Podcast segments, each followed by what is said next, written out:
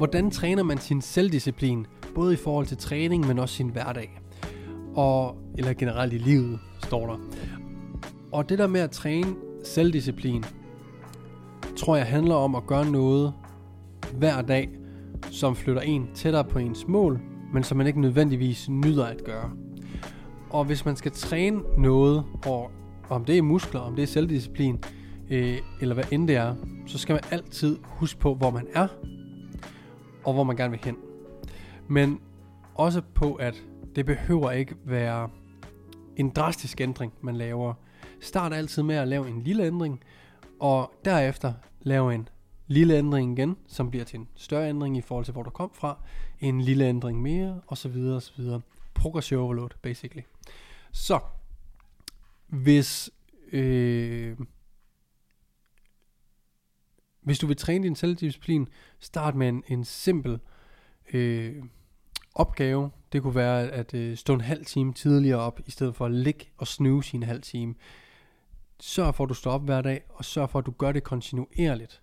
Også selvom at du er træt, også selvom du ikke gider. Det kunne være en ting. En anden ting i forhold til selvdisciplin, uanset om det er træning eller arbejde eller livet generelt, så handler det altid om at vide, hvorfor man skal gøre det. Jeg tror ikke på, at der er nogle mennesker, der gør noget bare for at gøre noget. Øh, medmindre det er noget, de kan lide. Og så gør de det, fordi de får følelsen af, at det er rart. Men hvis der absolut ingen grund var til, at du skulle stå op klokken 5 om morgenen, når du skal møde klokken 8. Hvis der intet var at fylde de timer med fra klokken 5 til klokken, lad os sige halv 8, når du skal ud af døren, så er der ingen grund til at stå op og misse den søvn for eksempel.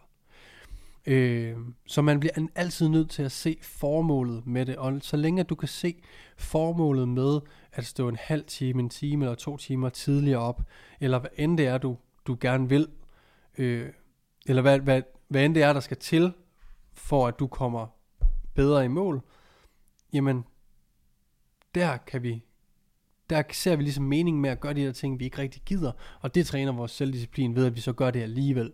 Øhm, det er super vigtigt altid at have målet for øje, når man skal gøre ting, man ikke gider, basically.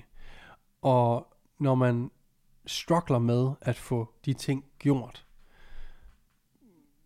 så tror jeg bare, man skal prøve at minde sig selv om, hvorfor er det, jeg gør det her? Og er der overhovedet øh, en grund til, at jeg gør det længere? Vi kan jo godt gøre noget i en årrække, som er, var nødvendigt i en periode, men ikke længere er nødvendigt. Så lige nu, der står jeg op klokken halv, øh, klokken kvart over fire, basically, hver dag. Og det er fordi, det er nødvendigt lige nu, for at jeg rammer min mål.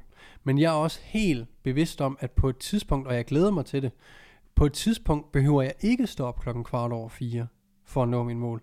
På et tidspunkt kan jeg måske nøjes med at stå op klokken 6 for at nå, for at nå min mål.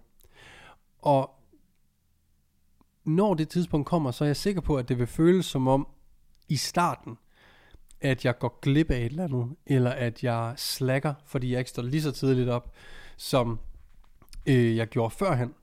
Men min mål har ændret sig, måske. Og derfor behøver jeg ikke stå op klokken kvart over fire længere. Øh, jeg kan nøjes med at stå op klokken 6, fordi min hverdag er anderledes, mit mål er anderledes.